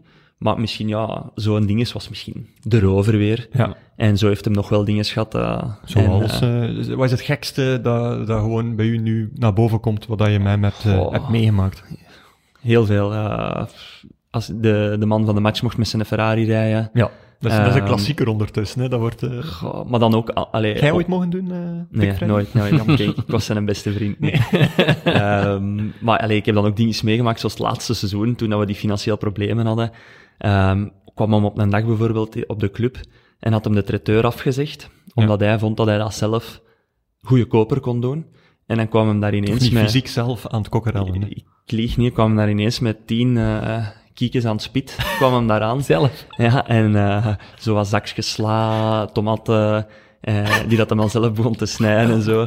Ehm allee, ja, ja, dat zijn verhalen dat... De kok, de kok We zien het Ivan de Witte nog niet doen. hè, En dan had hem dat. Die uitgerekend. wel, dat een- dat, die wel een kok is eigenlijk. Maar wat, zeg maar. ja, dan had hem dat uitgerekend dat dat goedkoop ging zijn. hè. Ja, waarschijnlijk wel. Ja, ik, ik denk dat hem dan wel heeft beseft dat hem niet elke dag Maar die daar gaan die gaan al die miljoenen eh, niet mee besparen, natuurlijk. Nee, nee, maar dat is wel zot. Dat, allee, dat is frappant dat je dan zoveel altijd uitgeeft Ja. en dan op het einde op zoiets wilt besparen. Dat is paniek waarschijnlijk. Ja, dat is ja. Maar met tien kiekjes, oh, dat is, dat is, Maar- dat is wel erg eigenlijk. Allee, over dat laatste seizoen gesproken, eh, ik ben eigenlijk blij dat je hier eh, wil zitten, want ik weet niet of je het je herinnert, maar toen ik je vorige week een berichtje stuurde van, of twee weken geleden, van wil je te gast zijn in Shotcast, Ja. zag ik het berichtje daarboven nog staan, dat is van maart van dat seizoen. En Oké. eh, dat was eigenlijk een beetje eh, een eh, kwade Frederik Frans, omdat er in de krant iets was verschenen waar je toen niet mee akkoord was. Ik weet niet of je het nog herinnert. Dat was een, we hadden een interview gedaan en dat was een passage over het faillissement. En je had, je had eigenlijk iets gezegd waar dat je achteraf voor gebeld hebt van misschien moet dat er toch uitlaten om geen mensen boos te maken. Ehm, en wat was er gebeurd? In het nieuwsblad was het verwijderd. Maar, hier- Gazet ja, van Antwerpen niet. En jij had vanaf 's morgens al berichten gekregen van mensen van, hey, wat- amai, goed gezegd, maar eigenlijk wilde je dat niet zeggen. Dat ging over, Oké. over Walter Grootaars toen. Ah, ja, oké. En, eh, en toen waren we echt kwaad. En ik, ik, ik heb gezien, dat was echt het laatste berichtje dat ik ooit van u gehad heb, tot, tot vorige week. Maar daaraan zie je, ik onthoud dat eigenlijk voor de rest niet. En, eh, maar ja, ja, ik weet dan nog die dingen met Walter Grootaar. Allee, op die moment was het gewoon... Ik weet dat er toen die Nakit kwam Ja. om het over te nemen en zo. En ineens zag je inderdaad mensen op de club die dat, dat je nooit ziet daarvoor. En er was zoveel gebeurd. En ik heb toen als kapitein en als, ja, als jongen dat, waar dat de supporters heel hard aan optrokken, heb ik mij dat heel hard aangetrokken, heel die situaties en zo. En ik ben er echt heel slecht van geweest. En ehm, ja, dat was echt een zware periode. Ja, ik ging net zeggen van eh Kilian Overmeijer is een vriend van de show, is ook al twee keer te gast Ja. geweest. Een keer op het moment van het faillissement en een jaar later. Nee, sorry. Eerst keer op het moment van de degradatie en dan op het moment van het faillissement. Dus ik denk dat dat volledig in lijn ligt met... Misschien is de vergelijking eh Overmeijer, Frans, beter dan de vergelijking Messi-Frans. Ja, nee, inderdaad. Ik heb heel veel respect voor Kilian. Allee, dat is, dat is zot eigenlijk. Hè. Dat is eigenlijk wat ik ook altijd dacht, zo altijd bij Lierse blijven. Ehm, maar ja, nee, kijk, het is verschrikkelijk als je je eigen club ziet kapot Ja. gaan. Ja, nee, dat is waar. En dan zeker door ja, de manier waarop en door mensen, dat je denkt van... Oh, En hoe kijkt je dan naar het huidige klimaat eigenlijk? Want je hebt dan vorig jaar bij Lierse Kempenzone gespeeld, Ja. maar er is dan nu Lira Lierse, waar dat je ook vrienden hebt met onder andere Erik van Meijer, Ja, vermoed ja, ik, en zo. En die, niet dat ze elkaar uitschelden, maar het, is, het zijn niet de beste vrienden, de twee clubs nu. Ja. Ja. vind je dat niet jammer dat dat is uiteengevallen? Ja, ik vind dat heel jammer. Ik, ehm, ja, het oude Lierse was echt... Dat was een bangelijke club ook, hè. Alle supporters kenden. ehm, en dan inderdaad, ja, dat dat zo gebroken is, vind ik eigenlijk wel echt heel erg. Maar oké, ja, mensen maken keuzes. eh, de bepaalde harde kern is naar Lira gegaan. Eh, daar heb ik nog altijd heel goede vrienden. En een deel zit bij Lierse Kempenzone. Dus ja, het is, het is spijtig dat dat nooit één club is gebleven. Hè. Maar oké, het is wat het is. En Ja. Het, het is wat het is, inderdaad. En, en is de band tussen jullie ook ondertussen gelijmd? Of, Ah ja, want eh, hij wist het al niet meer. kussen al mee. Dus. En ik zag het berichtje niet staan. Want, eh, mi- misschien moet Gert anders als straf een keer aan het rad ruimen. ja, subiet. Was mijn auto. Dus het is dom dat dat was de auto van Free, 50 euro. Koop een kader. Over naar het volgende. Shotcast. De Spiontop 3.0, dankzij onze vrienden van Biewen. Eh, de, de bettingpartner van de Pro League en ook onze sponsor, en meer bepaald van dit eh, rubriekje. Nu, eh, de mannen hebben al afgelopen week een geld besteed zien worden aan de belachelijkste dingen eerst, laten we het zo zeggen. En een van die belachelijke dingen, ik kijk er gewoon recht op uit, Gert, want wij staan hier gewoon nog met ons gezichten in, in, eh, eh, op het Kili. Ja, in de tribune hier op het Kiel. Ik kreeg gisteren plots... eh, ik hoop dat de mensen van Biwin het hebben gezien. Ja. Want alle de tv-exposure dat we gisteren gekregen hebben, is wel zijn, groot wel geweest. want ik kreeg plots berichten dat, dat, dat we te zien waren op, in de tv-uitzending in onze, op ons plakkaat hier, hè, Ja. als, als kartonnen supporter van, van Beer. Allee, supporter, hè, Ja. sympathisant. En we waren goed omringd ook, hè? Ja, we waren goed omringd tussen de grote der aarde. Hè. Messi zat rond ons, Roberto Martinez, Ja. Michel Prudhomme in een beerschot nu, Ja. eh, Ivan de Witte, Michel Louagie. Pierre-François zelfs in beerschot nu eh, hier op de tribune. En daar zaten wij tussen. Dus, allee, als Biwin ziet dat wij met die mensen op dat niveau zitten, kunnen ze misschien, allee, misschien had ons budget ook nog, eh, nog omhoog gaan. Ja, dan, mogen, dan Ja. mogen ze heronderhandelen, inderdaad. Eh, waar, waar- met iedereen kan ik wel een link vinden, maar waarom de Witte en Louagie? Ja, ja Pierre-François. Ja, Pierre-François. Pierre-François als- ja, als als van pro-league Pro en die Ja, ik niet zo dat dat wat populair is. Ja. Ja. ik, ik wil Maar ik vraag mij af, wie zet hij daar? Ja. dat- welke supporters kiezen ervoor om Welke Michel, Michel Prudhomme neer te zetten? Dus als, als, als er mensen weten wie dat gedaan heeft, maak u kenbaar. Ja, ja, dat is waar. Wij hebben er ook een paar gezet met de spelersgroep. Ah, is dat? Alleen met een paar jongens. Met, we hebben onze masseur, de Benny. Weet niet, die is ja, wel redelijk gekend. Ja, ik heb ja. vorig jaar ook eens een goal gemaakt en dan aan, aan hem opgedragen. En, ehm, maar de Benny is zo wat het figuur van, van de club. Hè. Ja. Is een krijn van de gast, topkerel. Naast maar, eh, Joske. Naast oh ja, Josken is de Uber-figuur. Ja, de Uber-figuur. Ja, ja. Eh, maar de Benny nu, ja, in de groep en zo, dat is waar we graag eens een mopje mee maken. En eh, ja, dus voor eh, die eerste thuismatch tegen Zult hadden we hier vier Bennies in de tribune gezet. Vier Bennies? Ja, vier Bennies. dus En die mens natuurlijk doods, doodscontent toen ja, die was eigenlijk echt gelukkig. Hij vroeg direct na de match, vrij, zou ik een mee naar huis mogen nemen? En mag dat Dus, dan eh, via uw connecties ingekaderd worden? Ja, ja. Ik kan erop blijven hameren op die nagels, ik zeg het u. Nu, eh, nee, we zijn er ook in geslaagd om, eh, om eh, een, geteleporteerd te worden, denk ik, Gert. Want we waren op hetzelfde moment, of nee, we, waren, we waren een dag ervoor, twee dagen ervoor, waren ook aanwezig op KVO. Dus we krijgen wel waar. Ja, we hebben maar één keer betaald. Ja. We hebben maar voor één match betaald bij alle tweede clubs en we hebben precies een abonnement Ja, gekregen. we hebben een abonnement Dus, gekregen als kartonnen Ze zien ons hier graag komen. Ja, precies wel, inderdaad. Nu, ehm, een groot mysterie is ondertussen eh, opgehelderd geweest. Eh, Jan Boden, de, de videoanalist van KV Mechelen, die stuurde vorige week een foto door van wat leek op een, eh, een lege hamsterkooi eh, op Moeskroen. Je hebt daar zo die bovenste tribune en daar beneden op, op, op de beton eh, ja, stond zo'n open kooi met zo wat, ja, wat hooien en, wat, en ook wat zaad. En Jan vroeg van, kunnen we er dan een keer uitpluizen wat dat is? Tom Boudeweel deelde dat ook afgelopen weekend, toen dat hij een match van Moeskroen ging volgen. Eh, en onze, ja, eh, we hebben een privédetectieve ingehuurd met het geld van Biewen, namelijk onze Moeskroenwatcher, eh Jorven Messiaan. En eh, die, die wist ons te zeggen dat het eigenlijk niet gaat over hamsters, maar die kooi staat daar en die kooi staat open met de bedoeling om, ik kan mijn lach bijna niet inhouden, om duiven te vangen. Dus eh, blijkbaar op Le Canonnier hebben ze een heel groot probleem met die duiven, want die duiven die schijten de boel onder eh, op, die, op die stoeltjes. Eh, ja, een reiniging van een stadion, dat is, dat is een heel grote kost. Ehm, en bij Moes Groen blijkbaar nog een klein beetje groter, want, eh, want die duiven die schijten dus letterlijk alles, alles onder. En eh, de lokale perschef die, die, die deelde dat verhaal met veel plezier en hij voegde er ook nog een mopje aan toe, namelijk van, ja, en als er geen duiven in kunnen zitten, dan kunnen daar nog altijd eigenwijze journalisten in steken. Journalisten die schrijven over een club die in verdenking gesteld is misschien. Of zo. Ja, misschien, misschien dat soort zaken. Dus, eh, en blijkbaar hebben ze, hebben ze daar in media, meerdere stadions ook eh, last van, want vroeger in Brugge hadden ze daar ook problemen mee en werden die eh, duiven met een loodjesgeweer eh, afgeschoten. Oei. Ja, En toen hadden nogthans een duivenmelker als voorzitter met Ja. Van Hoof. ja, maar misschien zijn die extra hard voor hun, voor hun eigen beesten natuurlijk. Ja. Nu, ehm, iets wat ook misschien afgeschoten dient te worden, is ehm, Kingsley. En ik ben heel blij dat we Kingsley even naar boven kunnen halen. Eh, Big Freddy weet dat misschien niet, maar eh, ja, wij zijn heel hard pro-mascottes. Ja. Maar soms ja, gaat het iets erover. De Crocky Cup mascotte gaat er al net over. Maar wat een van jouw ex-ploegen ooit gedaan heeft, Partick Tissel, met Kingsley, dat is, dat is helemaal van het padje. De, kun je Ja. even Kingsley beschrijven wat dat, dat eigenlijk is? Kingsley is eigenlijk eh, een kwaad zonnetje. Ehm, ja, dat is een heel... wringt al gewoon, hè. Een kwaad zonnetje. Zonnetje, prachtig. Ja. Ehm, ja, dat was toen de mascotte van Partick Tissel. Ehm, Dat was denk ik van een Amerikaanse sponsor of zoiets. Dat kan wel. En ja. dat was die hun logo. En ja, ineens, ja. We hadden heel schoon truikens, maar die Ja. werden echt afschuwelijk gemaakt door die Kingsley in het midden erop. Ah, En die, dan, die, die zijn gezicht stond ook. ja, eh, die stond daar ook op. Ja, Oh, ja. oh, oh, en, eh, en dan ja, als mascot, ja, dat was, ik denk dat dat de wereld is rondgegaan. Ja, Dus ja, tot, tot hier zelfs, ja. En, Ja. en Kingsley, de man die in Kingsley zat, die was, die was best aangenaam of nooit contact mee gehad. Nooit contact mee gehad. eh, ik vond het weggebleven. manneke. Ja, ja. Maar wa- wa- waar zijn jullie dan ook als spelers? Ja, wat was jullie gevoel daar dan bij? Denken jullie ook zo van, goh ja, iedereen lacht hier met die belachelijk lelijke mascotte? Of is dat iets wat eh, niet echt in uw geest dan speelt? Goh, voor de club is het natuurlijk belangrijk dat ze Ja. exposure krijgen. Maar, eh, Ook al is die negatief. Ja, voor ons was dat wel van, ja, oké, wat is deze?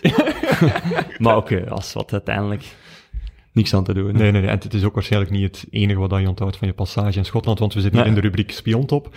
Ik denk dat je al veel, heel hard moet zoeken naar leukere competities om, eh, om eh, echt eh, nog leukere sferen op wedstrijden mee te maken. Ja, ik denk dat mensen eigenlijk weinig kennen van de Schotse competitie. Ja. En dat is eigenlijk wel echt jammer, want Celtic Rangers, punt. ja, Celtic Rangers, maar ehm, ik heb daar gespeeld inderdaad. Tegen Ja. Celtic voor 60.000 man. Rangers is 55.000 man elke week. Ehm, maar er zijn nog andere superschoon clubs, ook zo kleinere clubs waar je naartoe gaat elke week, dat ik dacht van, wauw, wat een toffe stadia. Ja. Ehm, kleedkamers zo heel old school, zo nog met hout aan de muur en zo. Alles van, alleen van oude glorie dat daar En ook omhoog zo'n is oplooibaar massagebed in het midden van de kleedkamer. Onder andere, allee, als het al binnen geraakte in de kleedkamers, hè, zo- zo Ross County Away, dat zijn allee, Ross in, de County High- Away. in de Highlands en zo. Ja, dat is, dat is bangelijk. dat ik is vind wel- dat, je moet dat meegemaakt hebben in je leven en ik vind, allee, ik raad iedereen aan om eens zo'n een tour in Schotland te doen. Dus Ja. eh, en, als je nu tegen de groundhoppers onder onze luisteraars eh, zegt, Als je één één, stadion... één mocht kiezen van, in- van al de Oei. Schotsen die je gepasseerd hebt. Mm, misschien Dundee United vond ik echt. Dundee United, ik heb er wel gespeeld, dat, dus ik ben misschien een beetje bevooroordeeld. Bevooroordeeld. Ja, maar ehm, ja, dat was prachtig. Ja. Dat is echt bangelijk. En ook daar is een mens, en die geeft, allee, zo'n oudere mens, en die geeft een, een tour met zoveel passie, dat is niet normaal. Ik heb heel veel mensen van Lierse dat zijn komen kijken naar Dundee United, en je mocht dan al die mensen vragen, en die zeggen allemaal van, ja, dat is ongelooflijk hoe daar ontvangen zijn, en Ja. ja. een tour van het stadion met meekregen van die mens, met geschiedenis erbij en zo. Dus ja, dat was echt top. Waanzinnig. Spiontop met Frederik Frans naar Dundee United. Ja, dat zou wel een keer een goede vraag. een keer Ja. doen. dan. Misschien moet Lars dat effectief wel een Ja, keer eh, fixen, effectief een keer eh, step up his game. Eh, wat ging ik nog zeggen daarover? Ja, eh, de pubfeestjes eh, de Schotse competitie en overwinning, zijn die ook lekker stevig of valt dat nog mee? Ehm, zeker als je zoals ploeg iets doet. Ja, Ehm, hier is dat, ja, gaat bijvoorbeeld samen eten en dan wat weg of zo. Maar in Schotland is dat, ja, zondag 11 uur er zijn mannen in de pub. Ja. En dan beginnen hè. Ja. dus eh, ja, dat is helemaal anders. Die mannen, vinden, ja, die mannen willen niet naar een discotheek, bij wijze van spreken. Die willen echt letterlijk een heel namiddag in de pub een pint drinken, allee, pinten, en eh, de voetbal zien en liedjes zingen. Karaoke zingen. Maar eigenlijk is dat wel schitterend. Ja. zelf ook een keer meegedaan als je een keer geschorst waart of geblesseerd, om er een keer van te proeven? Tuurlijk, je moet... Of als je eh, moest spelen, Je moet je ook. inleven in, eh, in de cultuur. Maar ja, vaak was zaterdag wedstrijd om drie uur Ja. en dan zondag vrij. Dus, eh, Dat is dan ja. zondagmiddag 11 uur in de pub. Ja, maar niet, niet elke week, hè, man. Maar om de twee. Nee, nee, is niet waar. Ehm, maar nee, ja, dat is daar, de cultuur. Ja. Ja. En ja, Cool, ik vond dat wel bangelijk. Ja. En drinkt Big Freddy graag eens een, een pint? Ehm, buiten het seizoen wel, Ja. maar eigenlijk, ja, dat is minder en minder worden. Je wordt ook wat ouder en je wordt ook wat... Pro allee, Professioneler? Ja, de laatste, de laatste jaren zeker heel professioneel. En ja, ik heb dat ook niet meer. Allee, ik weet niet, ik, ik let er heel hard op. Ja. Dus, eh, maar vroeger zeker, en zeker in Schotland ook, weet je, als er dan eens een moment voor was, waarom niet? Je mocht ook eens af en toe de... Allee, mag De- ook eens... de riem mag er eens ja, voilà. Ja. De riem mag er eens af, dus... eh, en ik vond dat bangelijk. Ik vind dat veel toffer dan ja, in een discotheek gaan plakken. dat, dat is niks voor erbij, mij. whiskytje erbij. Dan moet je wel... Nee, whisky moet ik niet hebben. Dat is Nee? oh, verschrikkelijk. Allee, jongen. Ja, verschrikkelijk. Je, je hebt drie seizoenen in totaal, denk ik, in Schotland Ja, gespeeld. ja. En je drinkt, je hebt nooit een keer genipt, zelfs. Of Jawel, natuurlijk, maar ik vind dat gewoon niet lekker. Dat, dat zegt niet. Ik vind gewoon een goede pintje. in de kerk, man. Een goede pintje is het beste. Nou, alle chance dat geen Engelstalige podcast is. Nu, eh, om eh, nog heel kort het, eh, het grote Beerschot-evenwicht te, ja, binnen de Antwerpse clubs wat te, behouden, hebben we ook nog een, een inzending van Bart de Vree, een grote Antwerp van. En die dat past perfect binnen de speeltop, want de man heeft eigenlijk een, een endless loop van supportersgezangen van Antwerp gemaakt. En noemt het de Sound of Royal Antwerp Football Club. Duurt effectief 100 minuten. En hij raadt gewoon de mensen aan om, als ze naar een match van Antwerpen kijken, zet alsjeblieft dat commentaar of zet alsjeblieft die, die fake geluiden over. Wat ze in Moeskroen trouwens ook doen. Daar zetten ze effectief boxen met dan random geluid dat niet eens van Moeskroen supporters zijn om te laten knallen richting die spelers. En hij zegt van, laat eh, gewoon eh, mijn schijf daar, eh, daarover gaan en je zult een veel betere wedstrijd hebben als Antwerp supporter. Dus deze zijn bij deze ook ja, genoemd geweest. Over naar het volgende. Shotcast. De wisselrubriek. Ja, Gert, de wisselrubriek. Eh heb je veel inzendingen? Of, eh, Van de Karagianis Cup bedoel Ah ja, oké, Hè? ja. Eh, Want we, we hebben niet echt een... Ik zie, ik zie wat jij niet Nee, ziet deze nee, nee. week. Ken je de Karagianis Cup? Nee. Eh, dus de Karagianis Cup is, eh, Gert Verrijen heeft eh, ooit, eh, Manu Karagianis, eh, Gert, Gert Verrijen maakte er ooit een wedstrijd van in de kleedkamer bij Club om eh, spreekwoorden die fout werden gezegd in de Ja, pers door andere voetballers op te hangen in de, in de kleedkamer. Ja. En had ooit gezegd, eh, boezem in eigen zak steken. Ja. In plaats van hand in eigen boezem steken. Daarom, de Karagianis Cup is... hè, voetballers of, of bestuursleden die daar zoiets zeggen, die krijgen hier de Karagianis Cup. Ja. Ehm, zo is er Ivan, een inzending van eh, Ivan de Witte. Eh, Over Ivan de Witte. Over Ivan de Witte, ja. We zijn niet over het ijs van één nacht gegaan. ja, dat nog- wel grappig. Ja, dat is toch nog oké eigenlijk. Ja, het is niet fout, fout, hè. Mooie Ehm, een mooie inzending van eh, Robin Chapman over Guillaume Mabe, hier aanwezig. Ken ik niet. Ja. Ehm, met alle zonden van Israëls overgoten, ehm, Ja. had, jij, had jij gezegd. En wat moet het zijn? Met alle zonden van Israël eh, beladen worden. Ja, maar ik wil dat wel even gewoon steken op mijn moeder. Want Ja. die heeft mij dat altijd zo aangeleerd. En, Zo'n trouwe luisteraar, die ga je even viseren hier. eh, ja, maar het is ook haar schuld. Ja. Het is, effectief haar schuld. En Vind ik niet het, mooi. het enige grammaticale wat ik ooit misschien voor naar haar heb geluisterd, geeft ze dan fout door. Dus eh, dit is 100% op het konto van mijn moeder. Ja, ach, arme Nog, eh, nog inzendingen die, Eh, die nog ja, slechter zijn? ehm, van voetbalnieuws. ehm, Voetbalnieuws, had- zo, ja, Angelo een inzending. Lionel Messi heeft een immens bron gedropt bij FC Barcelona. Oei. Een immense bron gedropt. Ja. bij Bar- ja, dat zal gewoon een verspreking zijn Ja. van de man. Ja. En dan had eh Karel van Nieuwkerken in Vive Velo nog een slangengangetje gezegd in plaats van een slakkengangetje, volgens Milan de Dekker. Maar ja, dus als we al over koers moeten beginnen, kunnen we beter aan het volgende doorgaan. Dat is waar, maar de winnaar van deze vier, ja, ik weet al wie dat is waarschijnlijk. Ja, Guillaume Mabe Dat zal natuurlijk. zijn, eh, ja. Goed, eh, iets anders in de wisselrubriek. Eh, een nieuw eh, dingetje, uitgelegd in eh, 60 seconden. Eh, en eh, ja, er is nog iets anders gebeurd, namelijk... eh, ja, er zijn heel veel zaken gebeurd deze week, maar ook iets juridisch, namelijk Patrick de Koster, die eh, opgepakt is en nog steeds eh, onder eh, staat omdat hij ge- eh, extra geld overgeslagen zou hebben bij transfers van Kevin De Bruyne naar eh, Manchester City. Eh, nu, eh, we zouden dat zelf allemaal kunnen duiden, maar onze juridische specialist Pieter Huibrechts, ook bekend van podcast Stemmen van, eh, stem, eh, Stemmen van Assisen, eh, heeft dat samengevat in 60 seconden. Dus ik stel voor dat we daar even naar luisteren. Shotcast. Er zijn de voorbije weken in voetballand twee opmerkelijke huwelijken gestrand. Hè? Lionel Messi en Barcelona, wereldnieuws. Maar eh, nationaal nieuws en eigenlijk ook wel internationaal nieuws intussen is het verhaal van, van Kevin De Bruyne versus eh, zijn makelaar Patrick de Koster. Patrick de Koster altijd een beetje zijn tweede vader geweest, hè, betrokken bij al zijn grote transfers. Nu, wat is er gebeurd? Patrick de Koster is donderdag tot zijn eigen verbazing uit zijn bed gelicht. Er zijn huiszoekingen geweest in Vlezenbeek, bij zijn kantoren, in Knokken en ook in Senegal zelfs, waar hij een buitenverblijf heeft. En waar gaat het allemaal om? Blijkbaar een klacht ingediend, niemand wist daarvan in 2019, door Kevin De Bruyne zelf en, en, en zijn eh, entourage, eh, met name zijn vader, tegen Patrick de Eigenlijk de makelaar die nog altijd zijn zaken behartigde, onder andere eh, ja, bezig was met een mogelijke contractverlenging bij Manchester City. Nu, wat blijkt, eh, Patrick de Koster is dus uit bed gelicht ehm, en ja, het gaat over feiten van 2013, 2014, bij de transfer naar Wolfsburg voor Kevin De Bruyne. En ehm, ja, op basis van documenten van, van voetballeaks is vader De Bruyne eigenlijk gaan, gaan opsnorren van kijk, wat is er nu eigenlijk juist gebeurd met die transfer? En wat is gebleken? Dat daar meer geld achterover eh, is gedrukt door Patrick de Koster dan initieel eh, ja, in de officiële contracten stond. Er waren allerlei constructies via Liechtenstein, hè, fiscaal paradijs, om, om zoveel mogelijk eh, geld af te romen. Maar blijkbaar is er tussen wat er op papier staat en de praktijk toch nog een gat. En, en ja, zijn daar miljoenen verdiend, nog eens extra. Eh, bij die transfer waar, waar Kevin De Bruyne, enfin het kamp Kevin De Bruyne eigenlijk niet van op de hoogte waren.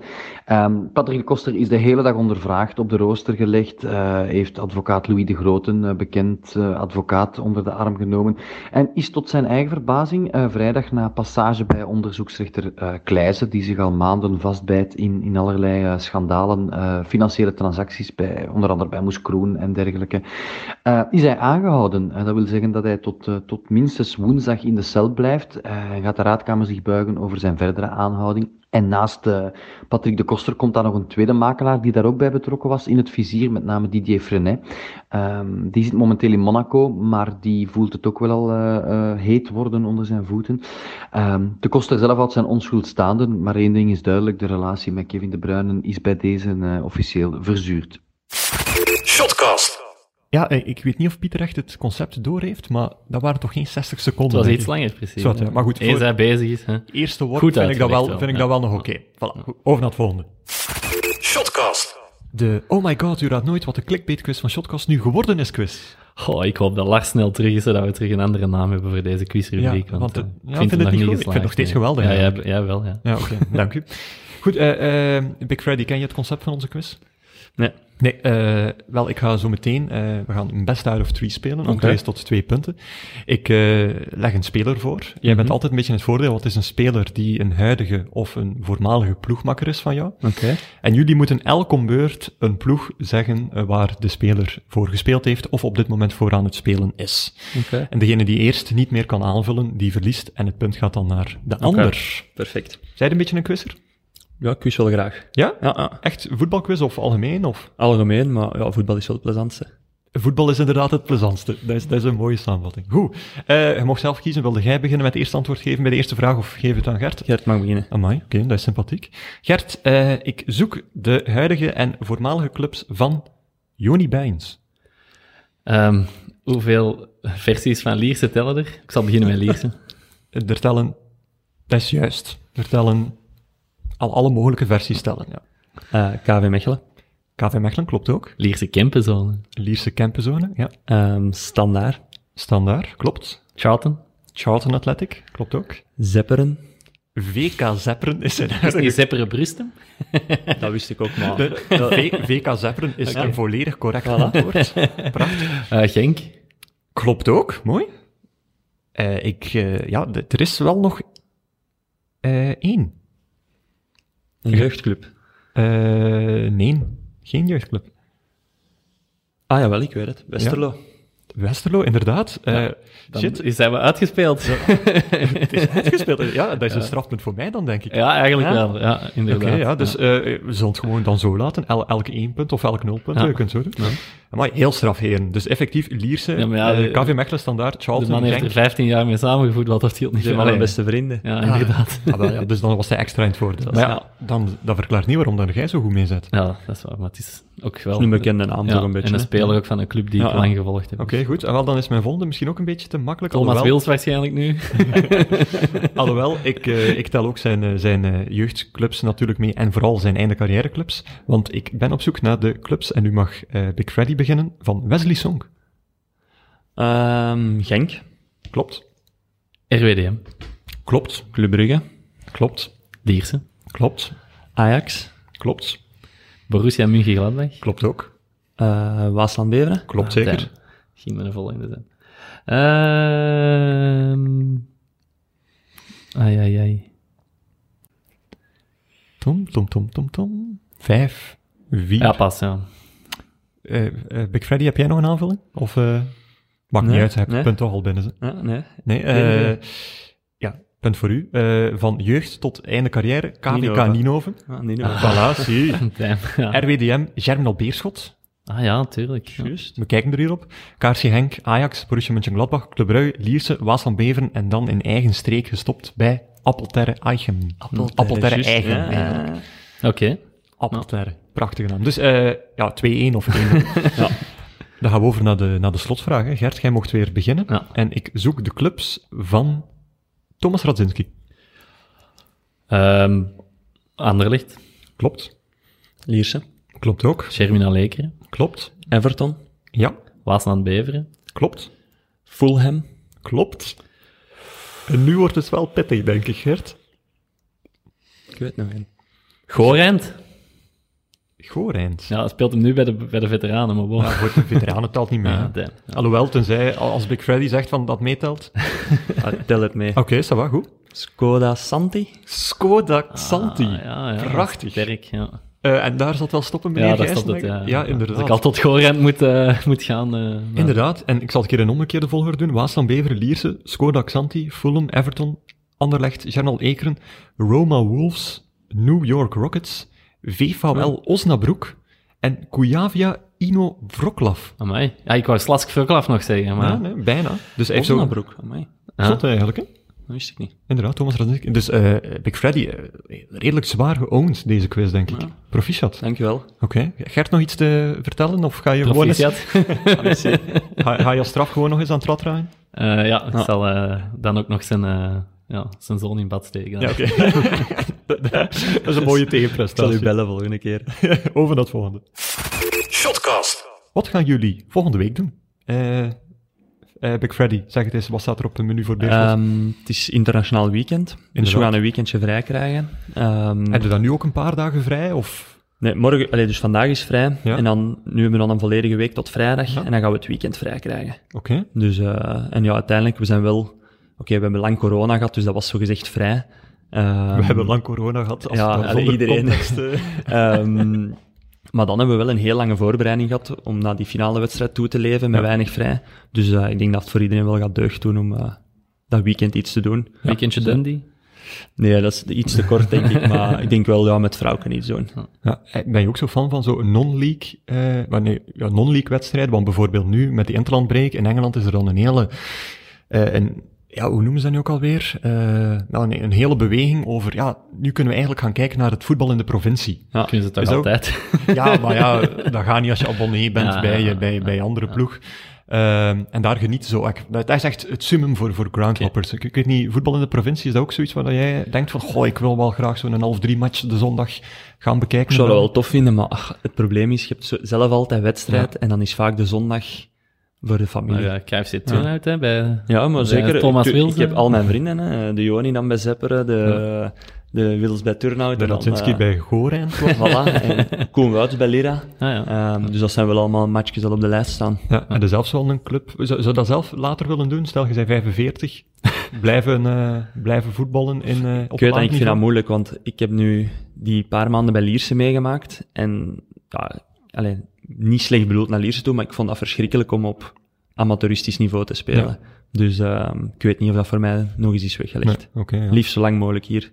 Ça va. Goed. Eh, Gert, wat ga jij deze week doen? Ja, ik eh, moet de, de Tour toch ook in de gaten houden. En eh, dat komt wel niet slecht uit dat er dan geen competitievoetbal Ja. is dit weekend. Dus wel, ik, ik hou wel van internationaal voetbal, dus eh, ik ga toch ook wel wat interland voetbal kijken. Oh, idem dito hier. Ja. Bij mij is het een beetje hetzelfde planning. En eh, qua kijktippen ga ik dan toch eh, Denemarken-België pakken. Ja. Zaterdag, 5 september, kwart voor negen, denk ik. Ja, ik, ik, Dat ik zal de mensen tippen op Duitsland-Spanje van donderdag 20 uur. Dat is ander 45. kaliber. Alhoewel, Denemarken-België, dat kan wel een hele aangename Ja. wedstrijd worden. Eh, Big Freddy, jij nog een, eh, een eh, kijktip? Ik dacht ook aan Duitsland-Spanje. Ah, ja. hè. Alleen dat lijkt toch de logische keuze. Dus ja, ik, ik vind Duitsland komt niet in zijn nieuwe versnelling. Na, na heel de... Ja, Nee, maar als je Bayern zag en dan... Bayern wel, maar ja, het probleem is, Thomas Muller wordt bijvoorbeeld niet meer geselecteerd. Ja, Daarom-. Jerome Ja, ja. Boateng ook niet. Dus Joachim Löw is eigenlijk een, een Duitsland aan het maken zonder te teren op Bayern, buiten Serge Gnabry en, Ja. eh, en, en nog een paar anderen. Goretzka, ja. Ja, dus Goretzka, die waanzinnig bezig geworden is trouwens. Amai. Misschien moeten we dat gewoon elke podcast keer herhalen, want dat is echt waanzinnig. ik, wil, ik wil echt weten naar welke gym dat Bijna zo breed als Frederik Fan. Bijna, Bijna, zo breed als. Frederik Frans, inderdaad. Goed. Big Freddy, mag je echt onwijs hard danken voor, eh, voor je ontvangst hier op, eh, aan deze trainers-eettafel met het waanzinnige Rad van Fortuin van Beerschot. In, ja, ik heb trouwens gezien dat er daar een dansgelegenheid is in, in jullie eetzaal. Zo'n heel grote houten plank, waar dat er precies... Maar ik denk dat, ja, deze is Club 155. Ik denk Ja. dat, Hier wordt wel als de supporters terug mogen, ehm, is dat hier wel een, een zaaltje waar dat gefeest wordt, denk ik, als we winnen. Ja, waar is jullie zaaltje als jullie eh, winnen? We hebben een spelerzoom aan de andere kant. Ja. En, ehm, maar dat is altijd vrij rustig, dus waar dat de families kunnen zitten. Ja, Nee, dat is waar. Eh, vond je het een beetje leuk voor een heel tof. Ja, graag. Ja, nog een shout-out of eh, iets dat je wilt vertellen over bijvoorbeeld pakweg Mike van Amel om toch terug even te komen met... Nee, ik ga zelfs eens wel eens naar de Mike bellen om, ja, te zijn zeggen, donder te ja, ja, op zijn donder te geven. En, ja, en ook nog eens tegen Gerrit, het is vergeven, wat er allemaal gebeurd is. nee, dikke merci dat ik hier mocht zijn. Jij bedankt. super. Goed, dan gaan wij er een week tussenuit, want Interland Break is traditioneel eh Shotcast Break ook. En dan ga ik enkel eh, nog maar onze kanalen herhalen. eh podcast.nieuwsblad.be, shotcast.nieuwsblad.be voor al jullie inzendingen, of op Twitter, at shotcast of hashtag shotcast. En de bedankingen, bedankt eh Biewen voor het aanleveren van budget, zodat we ja, toch het mysterie van de duiven of de hamsters op eh Moeskroen hebben kunnen ontrafelen. Bedankt Frederik Frans voor je komst en voor je geweldige groundhop tips. En toch ook een klein beetje bedankt Mark van Hamel om een beetje dirt over Big Freddy te geven, zodat we toch een, Jammer, een, jammer. een sprankelend moment konden creëren hier in de shotcast. Tot binnen twee weken.